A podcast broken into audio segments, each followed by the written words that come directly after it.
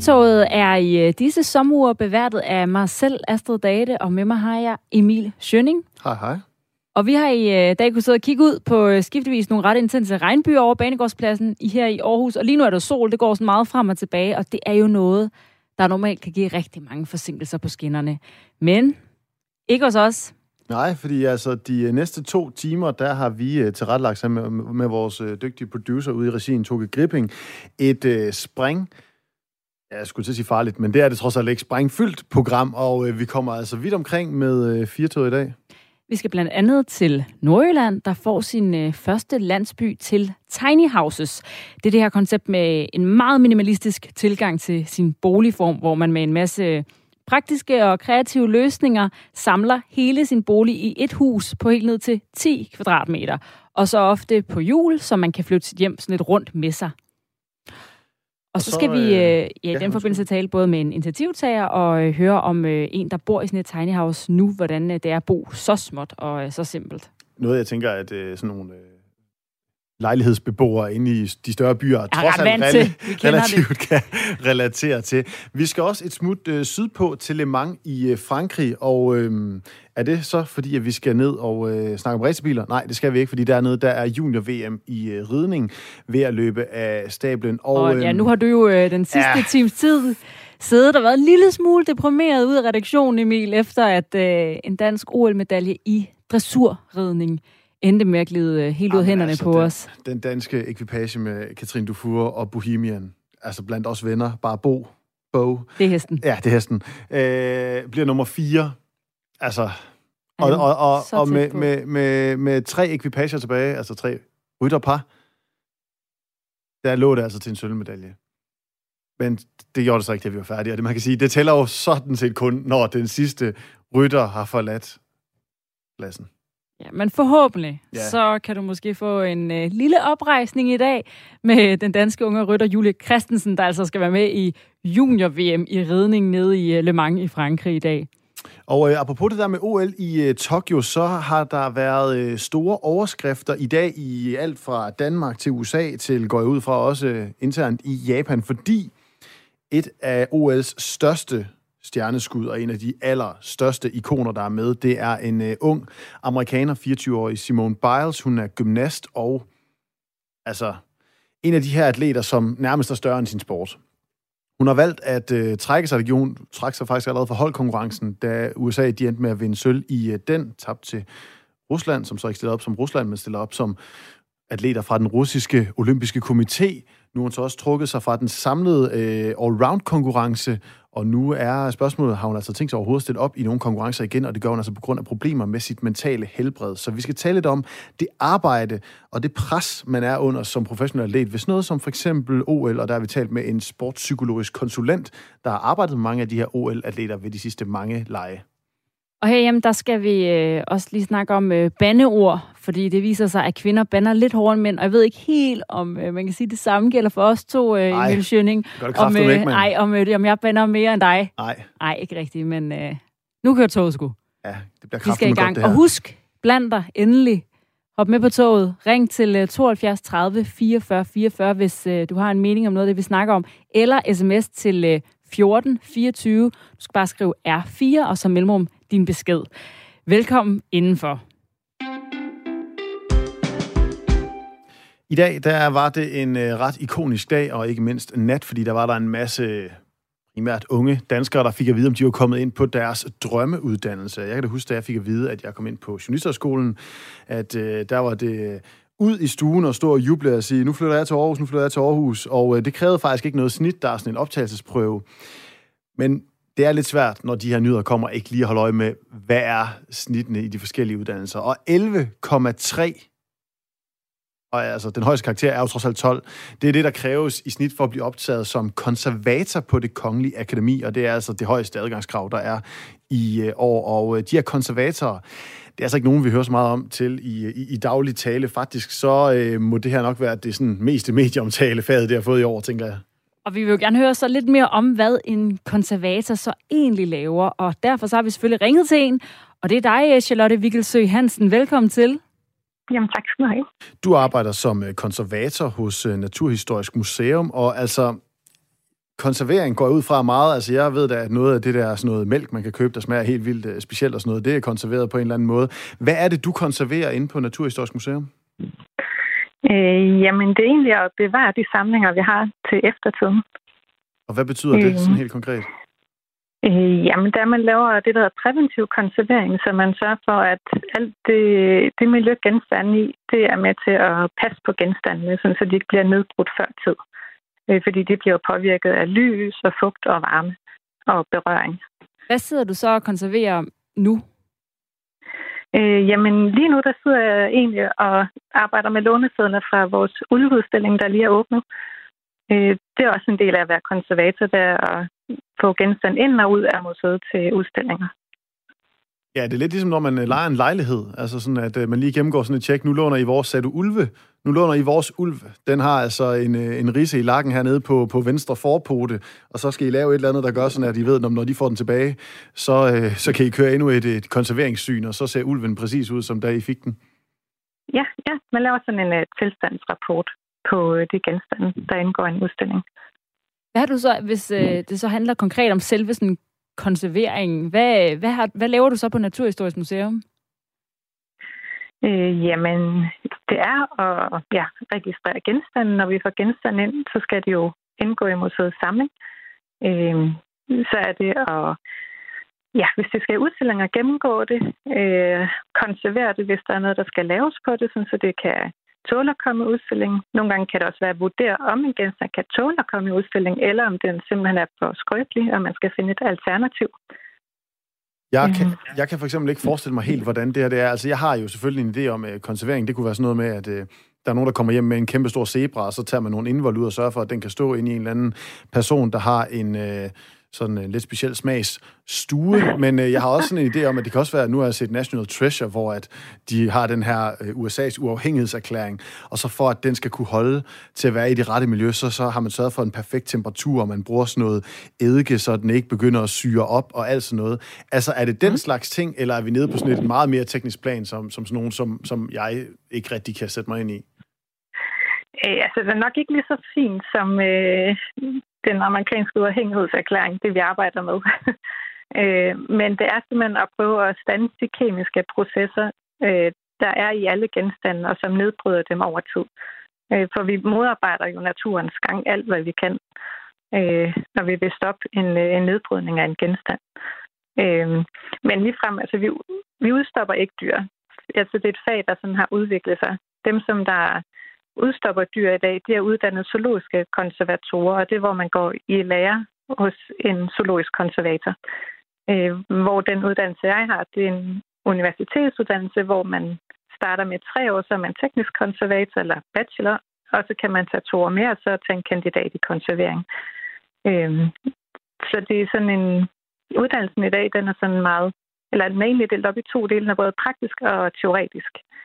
Øh, så man skal både have hænderne skruet godt på, og så skal man også kunne tænke gode idéer. Det lyder meget som en øh, sådan, hånd, sådan praktisk, som du siger, uddannelse, en håndværksmæssig uddannelse, og vi taler jo om det her med at være konservator i dag, fordi at det er jo så faktisk er den uddannelse, der kræver det højeste snit for at blive optaget i år 11,3 skal man have. Hvad tænker du om, at, øh, at man skal have sådan et højt snit for at blive konservator? Mm. Oh, så det skiller jo nok nogen fra, at der vil blive nogle rigtig gode konservatorer alligevel, selvom de ikke havde 11,3 i snit. Øhm, Hvorfor? Fordi nogle gange... Øhm, fordi det er jo ikke altid, at man... Altså, der skal jo både være nogen, der er rigtig gode forskningsmæssigt, der kan sidde og lave forskningsarbejde og udtænke analyser og laboratorieforsøg og opsætninger. Øhm, og så skal der også være nogen, der har det håndværksmæssige. Og det er jo ikke altid, at man er god til begge dele. Øhm, så måske man kommer til at ja, vælge nogen fra uhensigtsmæssigt, har, øh, som jo sagtens vil kunne gøre et rigtig godt arbejde alligevel. Kan du mærke, at der var sådan et ekstra bounce i dit step i dag, sådan at, øh, som vi snakker om, øh, det er selvfølgelig måske lidt, men altså så meget øh, love for konserveringsfaget, måske ikke på sådan et almindeligt medieår. Så i dag så er I øh, den mest, øh, hvad kan man sige, eftertragtede uddannelse med højeste snit, og det er ligesom det, der står i alle artiklerne. Har du godt kunne mærke i dag, sådan, Nå, okay, der har måske været sådan lidt ekstra stolthed over at gå rundt og være konservator på, på sådan en, øh, en højhellig tirsdag den, den 28. i 7. 2021?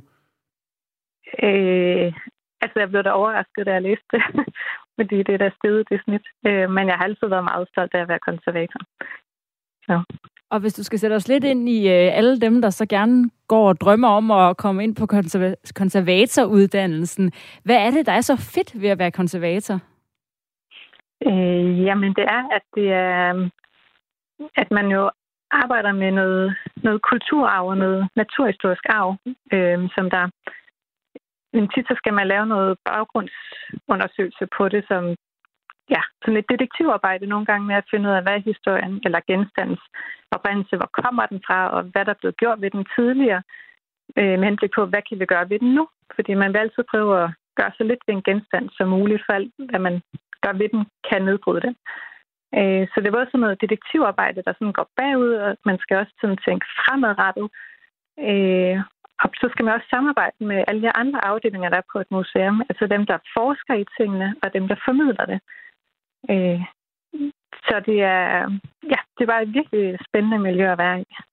Og øh, jeg ved jo, at øh, uddannelsen, der specialiserer man sig ligesom inden for sådan fire øh, grene, og der er noget naturhistorisk, der er også noget med noget kunst og, og alt sådan noget. Altså, er det sådan en one size fits all, at øh, når man kan konservere, så kan man altså konservere, og det var alt fra, om det var en dåsetun, eller om det var et, øh, et 500 år gammelt maleri, havde jeg sagt. Altså, kan I alle sammen det samme, eller er det hyperspecialiseret? Hvis nu man ringede for eksempel inden for Christiansborg, der ved jeg, at de går rundt og øh, restaurerer masser af billeder ind hele tiden, og sagde, at jamen, øh, Henning nede fra øh, konservatorafdelingen, han er altså syg, vi har brug for en, der kan, kan fikse det her maleri. Er det også sådan noget, du kan gøre så? Nej, desværre ikke. Øh, allerede når man søger ind på skolen, så søger man specifikt ind på den linje, man vil gå på, hvor der er nogle optagelseskrav. Øh, så ja, man er specialiseret lige fra starten af, og kan desværre ikke sådan lige springe over øh, på en anden linje, hvis man synes, det bliver mere interessant. Så, men altså, man har jo fingerfærdighederne har man jo, og øh, fagsproget er også det samme, så man vil godt kunne sætte sig ind i det, men, man man vil ikke kunne løse opgaven til nærmest som dem, der specifikt har uddannet sig ind på den linje. Og hvilken opgave som konservator synes du er det fedeste at sidde med? Øh, jamen, der er på en genstand, der skal ja, gøres klar, øh, enten til øh, udstilling, eller simpelthen bare skal have et eftersyn, hvor den bliver ja, konserveret, renset, ordnet og, og gjort frisket op igen, så den kan holde i lang tid endnu. Charlotte Vikkelsø, tak fordi at øh, du var med og fortælle om din erfaring med job og gøre os lidt klogere på, hvad det vil sige at være konservator. Rigtig meget, kan vi jo høre. Ja, Jamen, velbekomme. Og øh, jeg synes jo, man har forpasset en mulighed, Astrid. Det må jeg bare sige. Jeg ved godt, nu, nu bevæger jeg mig ind på dit. Du er meget sådan musikorienteret. Altså, jeg forstår ikke, man ikke øh, kalder... Altså, nu ved jeg, det er på det kongelige akademi, hvor man uddanner konservatorer. Hvorfor gør man ikke det på konservatoriet? Altså, det, det, det vil ligge lige for. Det er jeg faktisk ikke klar over. Nej. På musikkonservatoriet? Nej, så skulle det så bare være på konservatoriet, konservatoriet. Ligesom du ved, at det hedder København K, København, København. Så kunne det bare hedde konservatoriet, konservatoriet. Det synes jeg ville passe bedre.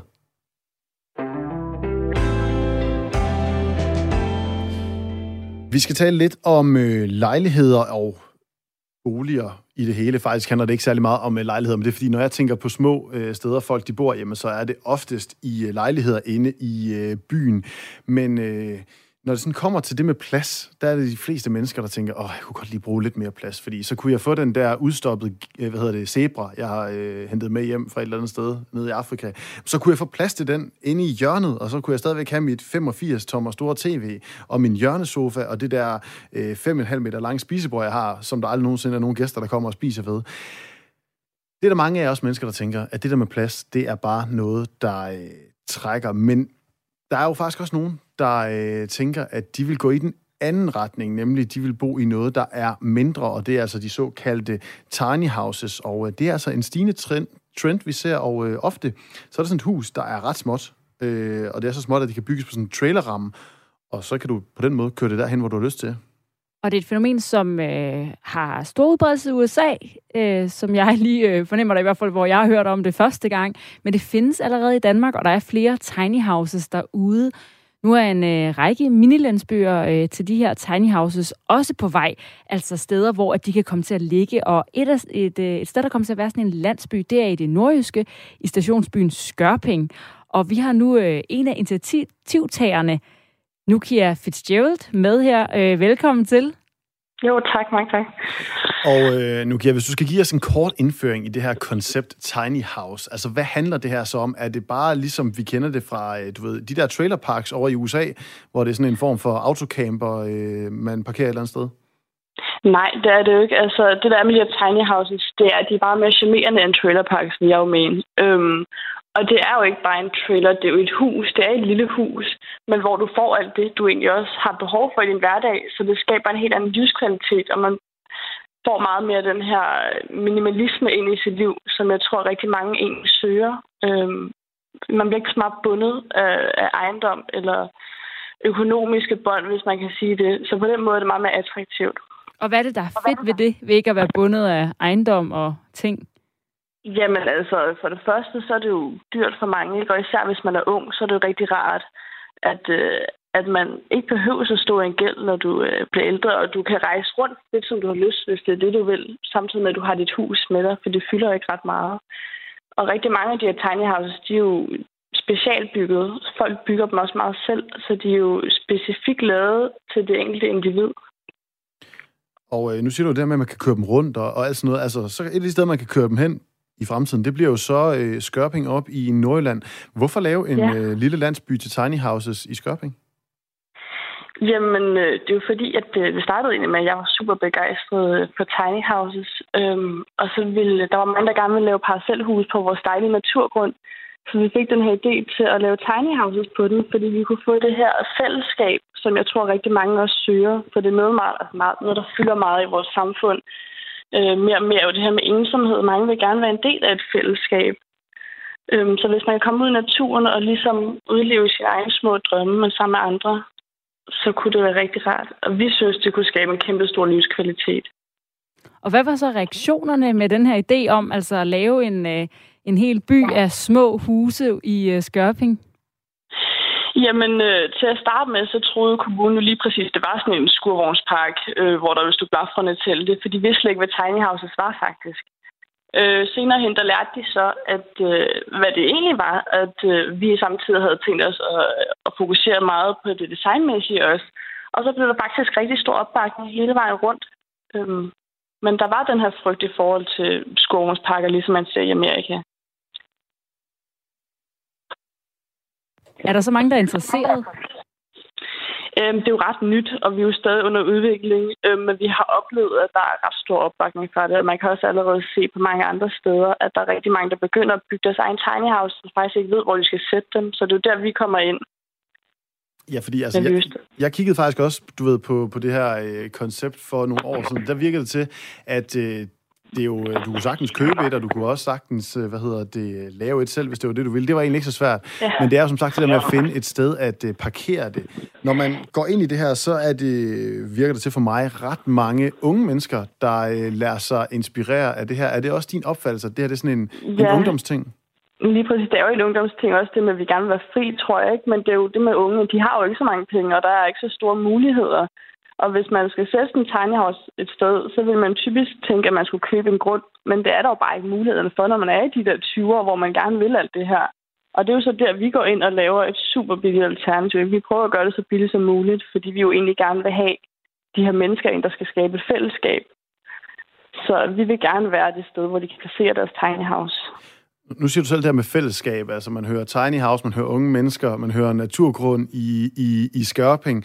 Altså man kan ikke lade være med at tænke, du ved, sådan lidt uh, Byron Bay, bastskørt, og uh, nogen, der sidder og hygger og spiller guitar i rundkreds. Er det, er det sådan lidt en uh, hippie-koloni i gang med at lave det op? Nej, jeg vil ikke sige, at det er en hippiekoloni, fordi vi er egentlig kun tilrettet unge. Vi, vi vil gerne øh, gå ud og ramme alle aldersgrupper. Egentlig. Vi vil gerne forsøge faktisk at få en stor diversitet. Så vi vil gerne både have nogle ældre og nogle unge, fordi vi tror, at de to generationer egentlig kan tilbyde hinanden rigtig meget. Øh, så det er ikke meningen, det skal være en hippiekultur. Altså, det, det kommer til at være et sted, hvor der er en fællesskabsfølelse. Men det bliver ikke... Altså, det bliver ikke det, det stereotypiske billede, som man har det. Skal du selv bo der? Øh, jeg bygger et tiny house der, og jeg har tænkt mig at bo der et stykke tid, ja. Øhm, jeg ved ikke, om jeg har tænkt mig at rykke mit tiny house til udlandet. Det er en mulighed, jeg stadig går og, og tænker på, men jeg skal bo der selv, ja. Og øh, altså, nu ser du det der med, at de er bygget til en, en selv, de der tiny houses. Altså, hvad for en proces er du i gang med? Hvad, hvad, hvad betyder noget for dig, når du skal, du ved, bygge et lille bitte hjem? Altså, hvad vægter man så højt? Fordi jeg går ud fra, man kan ikke både sige, jeg vil gerne have sofa, jeg kan flyde i, og øh, køkkenbord, hvor jeg kan lave øh, suppestar is til hele familien, og, og et kæmpe badeværelse, og i øvrigt så også en, en, en dobbeltseng, men med ekstra længde. Altså, man må skære nogle hjørner af et eller andet sted, går jeg ud fra.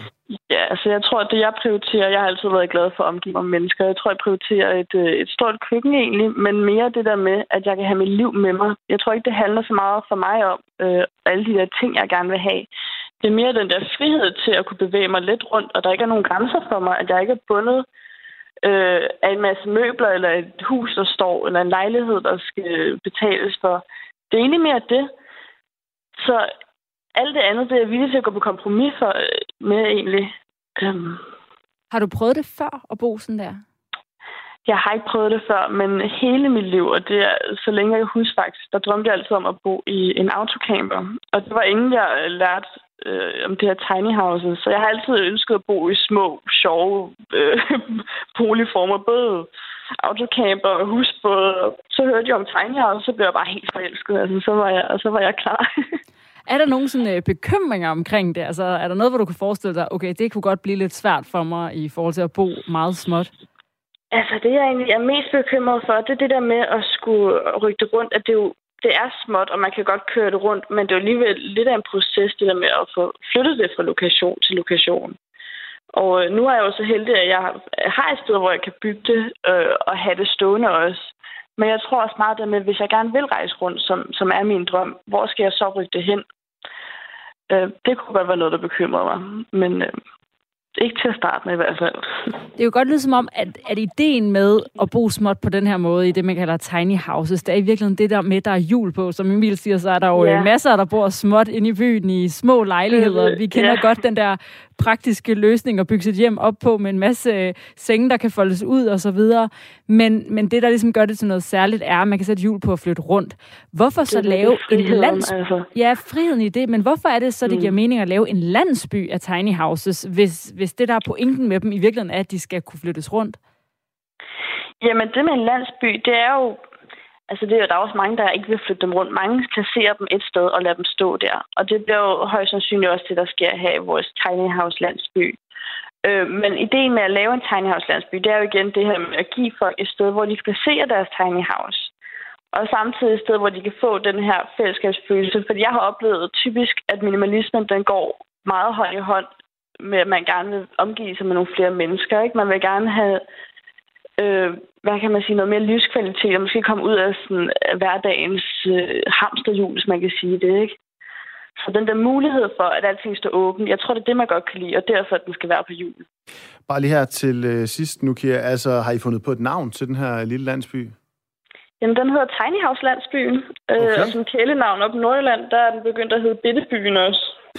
Lidt altså, nordjysk. Nu, nu er jeg altså nogenlunde op for området deroppe. Jeg ved, at der er jo altså Skørping, og så er der noget, der hedder Gammel Skørping. Du kan bare tage det ja. med som et eksempel. I kunne jo kalde det Lille Skørping. Altså, så har vi ligesom en træenighed i Skørpinger der. Ja, det kunne man. Men det siger jo ikke så meget om, at det, at det er tiny houses, vi har.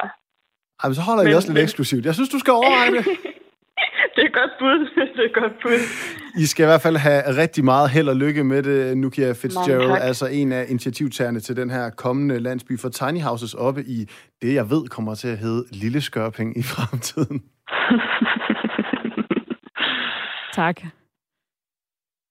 Og en af dem, der i øh, fremtiden måske kunne øh, parkere sit tiny house der i øh, Skørping, i Lille Skørping nordpå, det øh, kunne måske være vores næste gæst, Marie Gravesen Cox. Velkommen til Firtoget.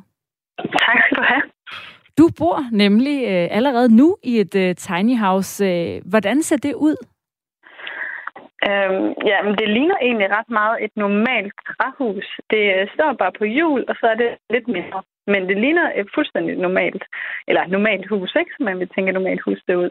Ja, ja og, nu, og nu siger du, du er lidt mindre. Altså, hvor meget mere tiny er et, et, et, sådan et, et tiny house end, end et lille, almindeligt hus? Altså, man kan sige, at hvis du flytter ind i et lille hus, så flytter du måske ind i et på 50-60 kvadratmeter. Jeg går ud fra, at vi, vi ruller lidt mindre end, end det, når det kommer til et tiny house. Ja, det er lidt mere, altså tiny er lidt mindre end lille på ja. den måde, kan man sige. Øhm, ja, altså jeg kan kun svare ud for øh, mit. Øh, vores hus, det er 19 kvadratmeter indvendigt grundplanet, og så er det cirka øh, 22-23 udvendigt. Øhm, så det er jo ret lille. Man siger i tiny house-bevægelsen, at der er ikke nogen øh, der er ikke nogen bestemmelse for, at når man siger noget tiny house, egentlig, hvor stort det kan være. Det er, der er ikke noget fast regelsæt. Men man siger, at det plejer at være under 50 kvadratmeter, så kan det høre under et tiny house. Og de fleste tænker jo så, at det er på jul. Og hvor mange, Men det behøver det heller ikke at være. Hvor mange bor I på de der 19 øh, kvadratmeter indenfor? Vi bor mig og min mand, og så har vi to katte, men altså, de fylder jo ikke så meget. og hvorfor valgte I fire at flytte i uh, tiny house? Mm, der var jo mange grunde. Egentlig, det, var en, det er over en længere periode, vi har fulgt bevægelsen. Og så var vi, øh, vi savner at have en vis frihed. Øh, for det giver rigtig meget både økonomisk og geografisk frihed i vores liv til at gøre, hvad vi vil, og have rigtig stor sikkerhed i i forhold til de udviklinger, der er i verden, også i forhold til vejret og ustadige og risikoer, der er, at vi kan flytte huset, når vi vil. Så det er en stor del af det. Og så ønskede vi at have et meget simpelt liv, og, øhm, hvor, vi, hvor vi satte fokus på også at være udendørs i stedet for inde på altid. Øhm, jeg har et lavere CO2-aftryk. Det var rigtig, rigtig stor udslag for os. Og, og føler du så, at det har givet dig det i dit liv, som du havde håbet på? Ja, altså for os har det givet mere ro at komme ud og mere fokus på udad til, men også bare at være sammen, og der ikke er så meget forstyrrelser. Man ved jo, om folk er hjemme eller ej og man, har, øh, man er mere sammen, og man er mere nærværende med hinanden. Og dermed ikke sagt, at snakker ud fra vores situation. Jeg siger ikke, at et tiny house kan løse alting, eller man ikke er nærværende, når man bor på 120 kvadratmeter. Men for os har det i hvert fald virket rigtig, rigtig godt sammen. Men vi har også boet på få kvadratmeter inden, og det tror jeg er rigtig vigtigt, hvis man gerne vil bo i tiny house, at man prøver at bo sammen på de kvadratmeter, man gerne vil ned på. Øhm, fordi for nogle er det jo sværere end, end andre at bo så tæt og så småt. Altså, du tænker ikke, at uh, Dorte og Henning, som lige nu har 180 kvadratmeter, uh, tre værelser, der står tomme, fordi børnene er flyttet hjemmefra og sidder og lytter til radioen nu, bare lige skal råbe, så er det fame nu, Dorte, så rykker vi ud på 19 kvadratmeter. Det er måske lige lidt en voldsom nok start. Jo, jeg, jeg ville synes, det var det fedeste i verden. Altså, jeg ville synes, det ville være så frisk og respekt. Altså, det ville jeg synes var dejligt. Men jeg ville også synes, at det kunne være fedt måske, og, øh, eller en god idé at tage en, øh, en ferie i kolonihave og prøve at bo en måned i en kolonihave, hvor der ikke er meget plads. Eller i, et, bare prøve at lege tiny house. Der er jo nogle, man kan lege, hvor man kan prøve det af og bo i. Øhm, det synes jeg ville være en god idé.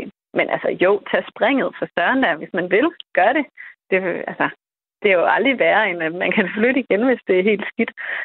Og nu når vi er med det der, altså med, med det der med pladsen, altså det kan jo, kan jo ikke undgå at fylde meget, når at konceptet er, at huset er, er lille. Er der aldrig nogen morgener, hvor du står op og så tænker, åh, oh, jeg kunne altså seriøst godt lige bruge bare lige 30-40 kvadratmeter mere til lige at brede mig lidt på. Eller aftener, når du skal have en masse gæster. Det kunne være meget fedt lige at have plads til hele familien indenfor med begge forældre og så videre. Ja, øhm, jo, men altså, øh, heldet er, at mig og min mand, vi er meget ude mennesker. Altså, så en stor del af året, der kan man jo være udenfor og sætte op og holde havefester og være ude, og man kan også komme til hjem til andre og besøge. Men vi kan sagtens være. Vi kan faktisk rydde. Vi har designet og bygget huset selv, så vi har sørget for, at vi kan rydde sådan, klappe bordene ned, så vi kan lave et langbord og sidde alle sammen, hvis vi vil. Vi har været 20 mennesker i huset før. Så kan man, står man der som sild i en tynde, det vil jeg ikke anbefale. Men vi har tit folk over, hvor vi er, øh, altså hvor vi har to eller fire mennesker over og sidder. Og så bliver det sådan mere stuehygge, end det bliver middagsselskab. Men så kan man jo spise indisk eller et eller andet, hvor man kan have det i en skål og sidde med. Øhm, det er jo bare, det er jo så fedt på en anden måde. Øh, Nukia Fitzgerald, vi snakkede med lige før, altså en af de her initiativtager til den kommende øh, sådan, Tiny House landsby oppe i øh, Skørping, snakkede meget om, at det hun håbede at få ud af det her, ved at lave landsbyen var en form for fællesskab. Altså, er der noget sådan community omkring det her med tiny houses i Danmark, eller er I lige nu sådan lidt nogle satellitter? Altså, jeg kommer til at tænke på, øhm, nu har der lige været den der Oscar-film Nomadland, hvor der kører de så rundt i, i sådan nogle vans, altså sådan noget vanlife, en autocamper, men de mødes og hænger ud sammen og har et eller andet fællesskab. Er det også sådan der med tiny houses, eller er det bare et sted, man ligesom bor, og så lever man sit eget almindelige fællesskab rundt om det? Øhm, man kan jo gøre begge dele. Det går an på, hvad man søger, tænker jeg. Vi bor ikke sammen, øh, øh, lige nu ikke sammen i nærheden af andre, der bor i tiny house. Vi bor altså ved siden af folk, der har 120 eller eller hvad ved jeg, 260 kvadratmeter og sådan noget. Og det er jo, altså, bare fordi man bor på mindre eller større plads, så, så er det jo ikke, fordi man er helt anderledes. Minder, altså, man er jo ligesom alle andre mennesker, synes jeg øh, i hvert fald. Men øh, altså, det, det kan man sagtens. Det er også fedt at bo sammen med andre, men det er jo også, folk beflytter jo også i, i økosamfund, fordi man gerne vil bo med nogen, der har samme værdier og tanker som en selv. Og nogle gange så synes man, det er rart at bo sammen med nogen, som giver et modspil til en selv. Så jeg tænker, det er, hvad man er til fuldstændig. Ja. Øh, men nej, der er ikke sådan, at vi flytter vores huse rundt og mødes en gang imellem.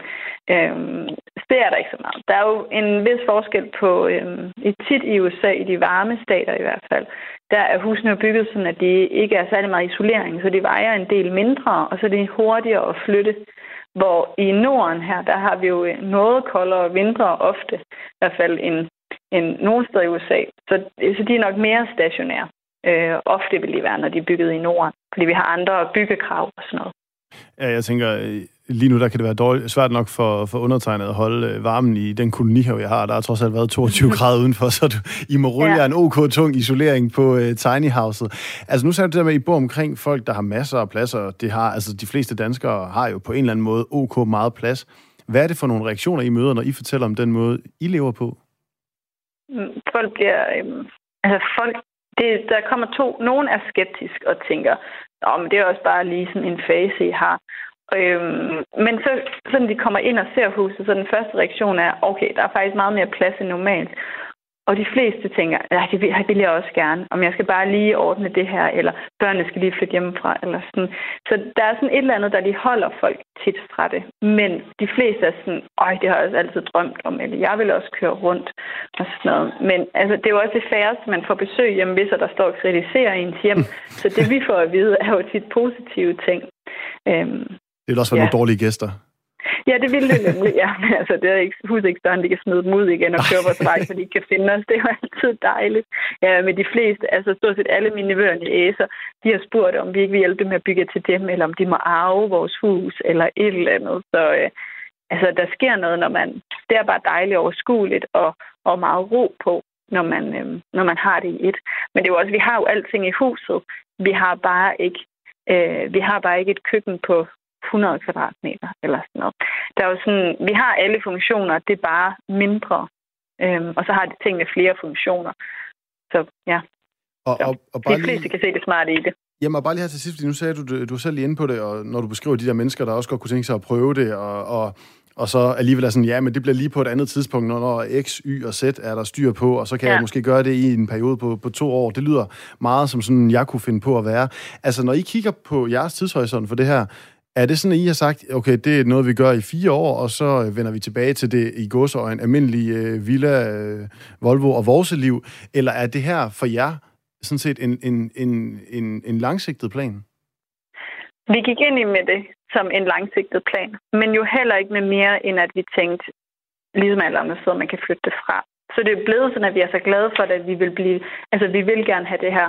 Vi har design, da vi selv designede huset, det er jo det gode ved, man kan sagtens købe et tiny house, som er sådan standard bygget, øhm, ligesom alle andre hus. Du kan også selv designe dit hus, så det er bare mere overskueligt, når det er småt, kan man sige.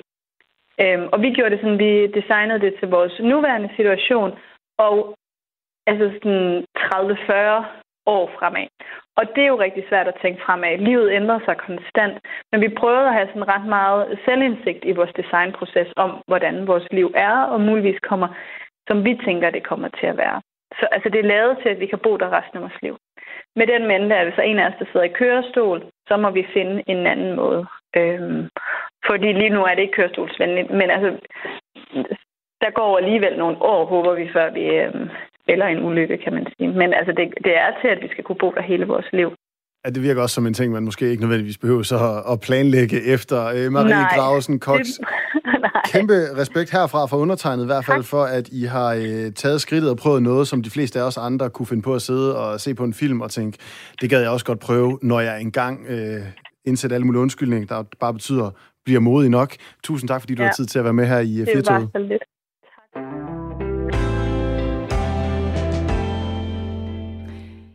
Emil, øh, har du nogensinde læst fanfiction? Øhm, nej, det tror jeg ikke. Nej.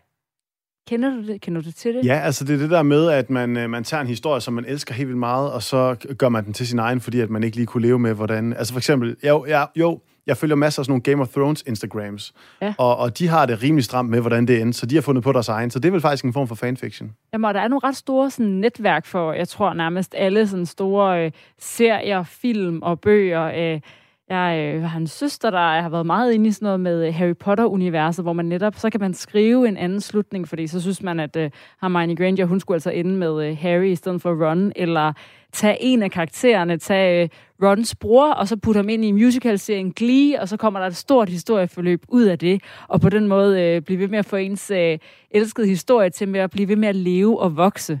Og det her fænomen, det bliver altså nu taget til nogle nye højder med øh, fanskabte såkaldte deepfake-videoer. De er inspireret af film og serier og spil, og så kan man ligesom se dem på YouTube. Og her bruger man altså sådan nogle moderne digitale effekter til at tage filmscener og karakterer, og så sætte dem sammen i en historie på ny. Og der er en øh, uh, YouTube-bruger, der hedder Shamuk, som har lavet uh, nogle rigtig imponerende deepfake-videoer ud fra Star Wars-serien The Mandalorian.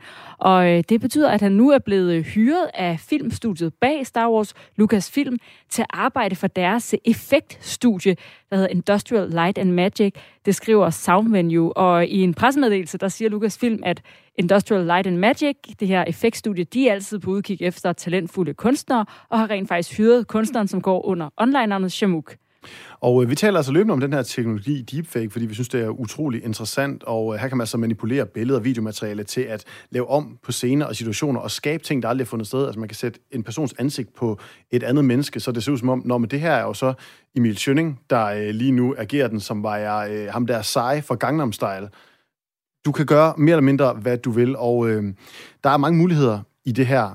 Og det kan er... give anledning til ja. både noget bekymring, fordi det kan, som du siger, at man kan sætte, øh, en ting er at sætte dit ansigt på Gangnam Style-videoen, men man kan også bruge det til at sætte kendte ansigter, altså øh, misbruge i virkeligheden kendte menneskers øh, brand og fame, og så bruge det øh, kommercielt, det er reklamer, eller bruge det, som der også er set en masse eksempler på, hvor man sætter et ansigt på en pornoskuespillers krop, eller at man tager nogle magtfulde mennesker, politikere, Obama er der blandt andet blevet lavet en øh, fake video med, hvor man kan få dem til at sige ting, de aldrig har sagt i virkeligheden. Så der er en masse sådan, bekymringer i det her.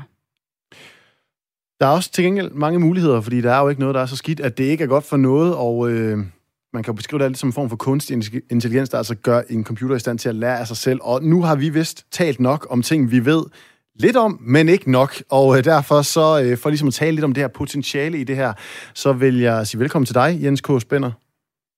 Tak. Du er øh, leder af AI and Data Analytics hos Alexandra Instituttet, og øh, I til dels sådan et konsulenthus, men I laver også anvendt forskning. Hvad er det, I kigger på i forhold til at bruge kunstig intelligens og de her deepfakes? Ja, først og fremmest tak fordi, at, øh, at jeg må være med. Øh, jamen, vi har et, øh, en bred tilgang til det. Øh, som, som I også taler om, der, der er virkelig mange muligheder i det, øh, og mange øh, kreative muligheder i det, kan man sige. Ikke? Øh, for at forlænge lidt det, I taler om, øh, nu, nu, nu er det jo midt i OL, øh, og, og der spiller de også fodbold, og en af, en af de ting, der sker på en fodboldbane, det er, at der er nogen, der forsøger på at filme sig til et, uh, straffespark, og så simulere, at det gør rigtig ondt. Der, der er nogen, der har analyseret øh, menneskers ansigter for at finde ud af, om de faktisk har ondt eller ikke har ondt. Og det viser sig, at det kan man faktisk detektere med forholdsvis stor sikkerhed, om man faker smerter. Øhm, det viser sig, at hvis man faker smerter, så, så, øh, så rykker man ansigtet sådan i ryg. Og hvis det er rigtige smerter, så rykker hele ansigtet sig i et ryg. Øhm, så man kan sige, at der, der er mange, mange anvendelsesmuligheder i det. Øhm, en af de ting, vi kigger på øh, i øjeblikket, det er i forlængelse af det her med at detektere ansigtssmerter, det er at se, om man faktisk kan hjælpe øh, psykologer og, og det lignende til at se, om folk har psykiske sygdomme. Øhm, jeg kan sige, det, det er forholdsvis nyt, og det, det er slet ikke sikkert, man kan, men det kan være et, et instrument til at diagnostisere øh, øh, patienter. Så, man kan... så, så der er masser, masser af muligheder i det. Og hvor man får en computer til at sige, øh, om man, altså hvis man selv føler, man har smerte, så er der en computer, der siger, ej, det har du faktisk ikke, fordi dit ansigt ser ikke helt rigtigt ud, eller... Det var det, jeg troede, man havde sin mor til. Du har det ikke dårligt, du har det faktisk godt, det kan den her computer fortælle dig.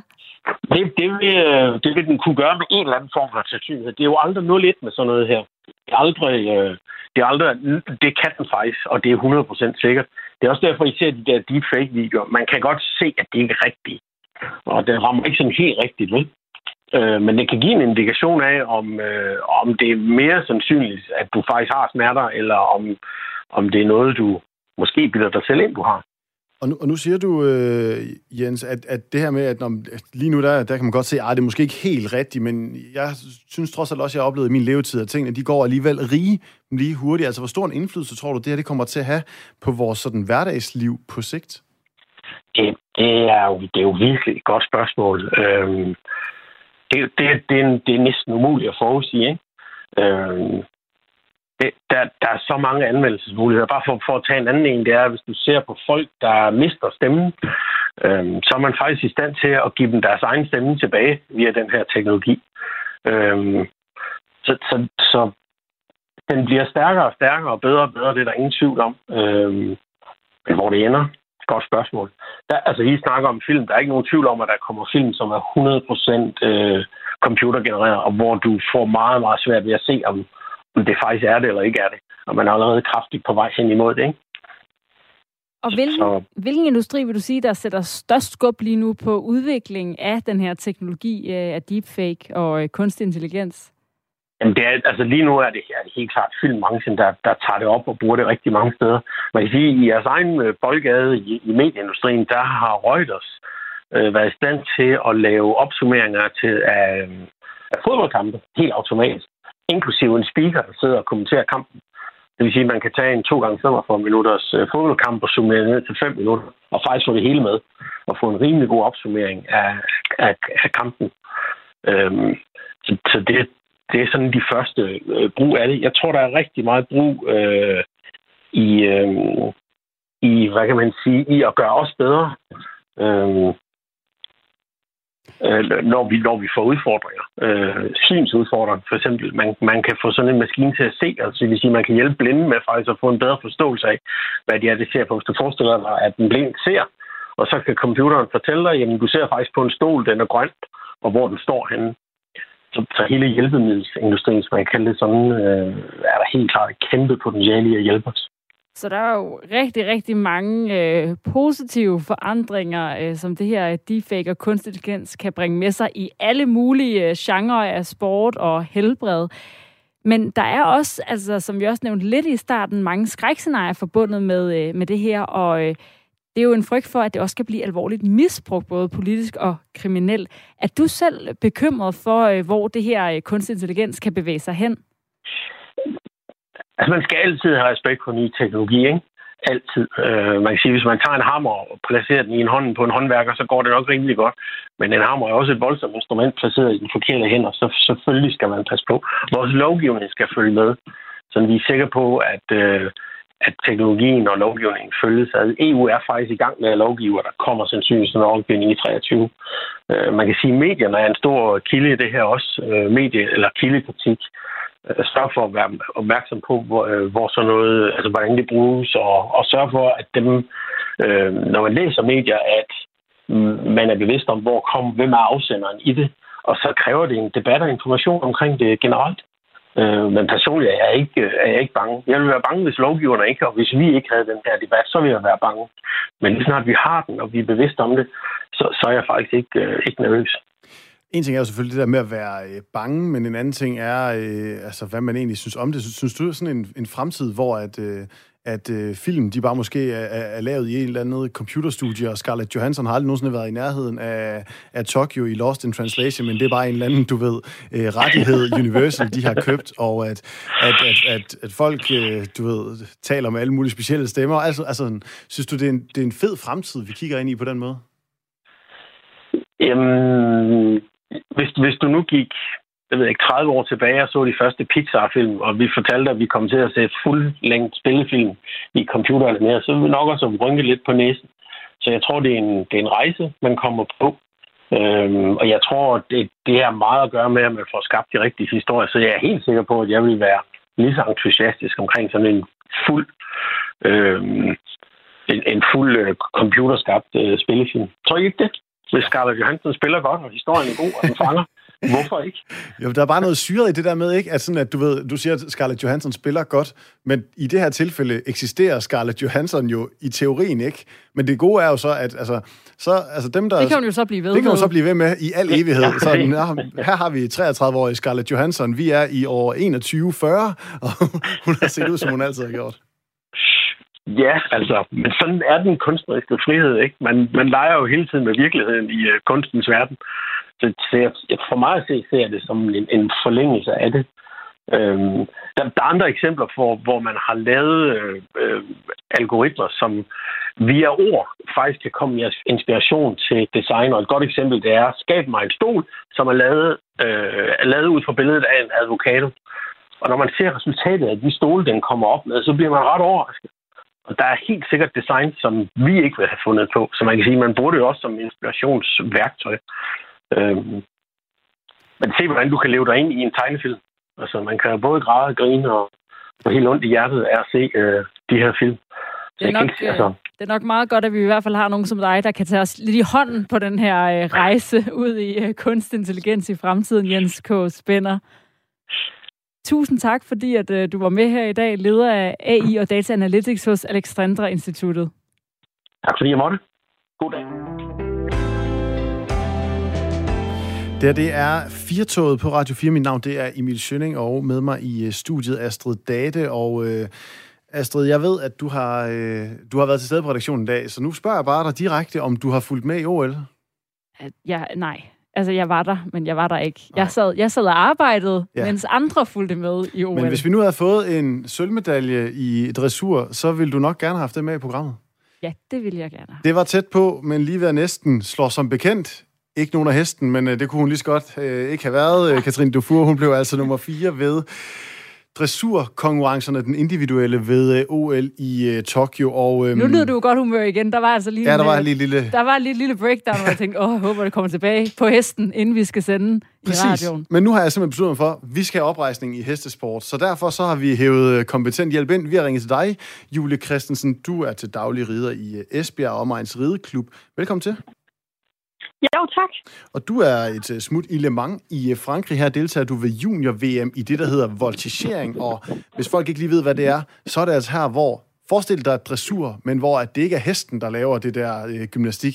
Det er personen, der sidder oven på hesten, der ligesom står op og, og laver alle mulige ting. Er det ikke sådan nogenlunde beskrevet? Jo, det er det. Det er lidt nemmere beskrevet akrobatik på hesteryg. Og øh, du er altså øh, ankommet i Le Mans i øh, Frankrig til det her junior-VM. Er du kommet godt frem? Ja, det er vi. Vi har haft en, altså, en lang tur, men øh, det var en del af det. Det har været en mega god tur. Og øh, hvordan går det dernede? Har der været nogle øh, problemer i optakten til det her øh, VM? Ja, der har været et lidt stort problem. Øh, vi har været til dyrlægetjek med hesten, og øh, der gik den så ikke igennem. Så øh, den er ude for konkurrence her til VM. Men, Men øh, jeg har været så heldig at få to muligheder på andre heste. På en øh, fransk hest, og så en anden dansk hest, vi har med. Og dem, øh, dem skal jeg prøve at træne på senere i dag. Det er altså din hest Plet, der ikke er gået igennem dyrlægetjekket. Hvorfor er den ikke det? Hvad, hvad kan der gå galt? Jamen, øh, altså, den har stået meget i trailer og sådan noget, og den er jo heller ikke helt den nyeste, og i benene heller ikke. Så den har nok taget lidt lidt hårdt på, på køreturen og sådan noget. Og, og, og nu er jeg jo ikke den store øh, hestemand, udover de der timer, der er øh, dressur, der er en af Danmarks største eksperter på, på området. Altså, jeg tænker, det betyder ret meget. Altså, det virker til, at øh, Dufour og Bohemian, de har sådan et rimelig øh, sådan, øh, godt samarbejde. Altså, hvad betyder det for dig, at du nu ikke kan være på din, din egen hest til VM i voltigering? Altså, jeg vil sige, jeg blev godt nok presset i starten. Der vil sige, at øh, der kom der godt nok også nogle tårer ud, for jeg tænkte bare, åh nej, altså, nu er det helt slut. Men øh, så gik der lige et stykke tid til at komme sig over det, og så fandt vi hurtigt nogle nye lø- løsninger. Altså man kan sige, hvis man er vant til at lave akrobatik på hest, så er man vel heller ikke sådan sindssygt bange for særlig mange ting. Nej, men altså, det er jo ret svært at skifte hest bare lige sådan op til VM. Så man er jo vant til at træne på sin egen hest derhjemme og sådan noget. Så det er jo man sikker i. Det er man jo sikker i. Så det er svært. Tror du, det kommer til at påvirke dine chancer for, øh, for medaljer og resultatet ved junior-VM nu her? Altså, man kan jo sige, at hvis jeg startede på min egen, så vidste jeg jo sikkert i det hele, og at vi godt kunne presse lidt mere på. Men øh, nu hvor vi har fået nye heste og sådan noget, hvor jeg lige skal vælge imellem, så øh, tager det lidt mere som en oplevelse og lidt en, en træning, kan man sige, så jeg ikke, som du ved, sætter sig særlig stort, men mest bare kommer rundt og får nogle gode runder. Ja, så, så, så det, det, du ved, det er bare, nu er du der for oplevelsen, og så øh, alt det, det den, den bedste placering mulig, og hvis den så er rigtig god, så tager du det med. Ja, helt sikkert. Og hvad skal der til for at få en god placering? Hvad, hvad er det, der sådan slår øh, igennem? Eller hvordan vinder man voltigering, skulle jeg til at sige, hos øh, dommerne? Altså, det kræver, at man er rigtig, rigtig dygtig og kan det, man skal, kan man sige. Så det handler jo for det meste om at få så højt som muligt i alle karakterer. Øhm, men det kan være rigtig, rigtig svært. Hvad laver man for eksempel? Altså, nu siger Emil akrobatik på en hest, men hvad er det for eksempel, du laver på din hest? Øhm, vi har et program, hedder det, obligatorisk, øhm, hvor det er et program, alle de laver, hvor man kan, også, hvor man kan få point i det. Øhm, og så har vi noget, der hedder Cure, øhm, hvor det er et frit program, vi selv har lavet, kan man sige, til musik, man skal udnytte sig til. Så det er de to programmer, vi har. Og vel, du, kan man forklare, hvordan står du på hænder på hesten, eller hvad er det, sådan, man har af tricks på sådan en hesteryg? Altså, altså for os i Danmark, så er vi jo så gode, for eksempel som tys- tysker og sådan noget, men jeg vil da sige, at vi har, vi har nogle vilde ting med en gang imellem med værmøller af og sådan noget, og baglænder af, og stå på hænder på hesten og hoppe op på hesten og sådan noget. Altså, nu, nu, nu siger jeg det simpelthen bare, øh, Julie. Altså, nu har jeg set dressur i, i to dage i træk. Og, og jeg synes da ja. også, det er flot, du ved, at så kan den lave en 12-step og, og, en, og en pirouette og, og det der. Men altså, lugter det ikke af, at vi skal have byttet dressuren ud med øh, voltigering til OL? Fordi altså, det er, det er da noget mere seværdigt, det I laver, er det ikke det? Jo, helt sikkert. Det vil jeg i hvert fald synes. Og hvem, hvis de var i OL, hvad var, nu nævnte du Tyskland, hvem er de bedste til voltigering, som der er nu? Altså, det, er, det ligger mellem Frankrig, Tyskland og USA. De er, de er rigtig dygtige. Og altså, altså jeg, jeg, jeg må bare sige, det er for få interviews, jeg laver i mit liv, hvor der er hestefransk i baggrunden. Det kunne vi godt lægge ind som sådan et dogme, at hver dag skal der være et interview med hest i baggrunden. Er det, er det to, det, det, er det to af de der heste? Jamen, er det to af de der heste, du skal vælge imellem? Er de i nærheden? Ja, det er de faktisk.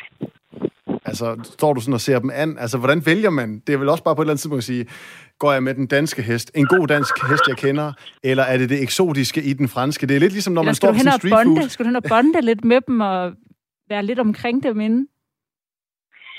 Så nej, ikke rigtig det helt store. Altså, det, det handler mest om, at jeg har en god kemi med hesten, og jeg er over på den, og at jeg synes, at det er okay nemt at være på den, så det ikke bliver alt, alt for svært. Og at det minder lidt om det, jeg plejer at lave, så jeg kan lave alle de øvelser, jeg nu skal. Ja, for hvor stor forskel er der egentlig på sådan en hest? Altså det er det, når man sidder sådan almindelige mennesker, der, øh, der sidder og, øh, og ser sådan noget som dressur, så går der jo meget snak i den med sådan, det er jo også bare hesten, der klarer det hele og alt sådan noget. Altså hvor, hvor stor en påvirkning har det for dig? Hvad for en hest du, øh, du, du nu skulle til at sige sidder på, men det gør du så ikke står på? ja, Altså, det er meget, meget stor betydning for os, fordi at jo, det er der hesten, der laver meget, og vi laver det ovenpå dem. Øhm, men altså, det kommer meget an på, hvordan de går, om de galopperer hurtigt, eller de galopperer langsomt, eller de er bange for tingene, eller de løber ind eller ud for den cirkel, de går i, og sådan noget, om de er stabile i det. Vi ønsker dig altså så i første omgang held og lykke med bare at vælge mellem den franske og den danske hest, Julie Christensen, og så rigtig meget held og lykke med uh, dit uh, junior-VM i voltigering i Le Mans. Tusind tak. Altså, jeg vil bare sige, det der med at komme ned, og så, du ved, det man havde forberedt sig på, og så få kastet en svensk nøgle i, i, i maskinen på den måde. Altså, det er jo ikke sådan, om nogle gange så hører man en dansker, der kommer ned et eller andet til et eller andet, et eller andet stævne, så har de mistet deres sko. De har mistet et eller andet på vejen derned. Jeg tænker, det der med at miste en hest, Ikke ja, mistet, den er her det, stadigvæk, men det den virker ikke som gennemgå. mere end en, en catcher end en sko. Ja. Og også det der med at skulle vælge, altså hvis man så bare havde, nu er det den her hest, okay, hvor jeg tænker, så kan man også øh, lægge øh, ind i det, at øh, åh, hvad hvis man så vælger den forkerte hest, Ja. hvis hesten jo så rent faktisk, ligesom i dressur, har den jo meget betydning, ikke? At øh, hvis man så også skal til at give hesten skylden, så har man også valgt den forkerte. Altså jeg vil sige, at øh, og det, det tror jeg ikke, hun havde tænkt på, Julie. Jeg håber faktisk stadigvæk, hun lige lytter med. Der er jo noget vigtigt at tænke over om øh, altså hesten på fransk. Hun skal jo kunne kommunikere med den. Cheval? Trabian. Nå, vi er tilbage med mere 4 lige om et øjeblik. Nu snupper vi også nogle nyheder. Klokken den er blevet 16.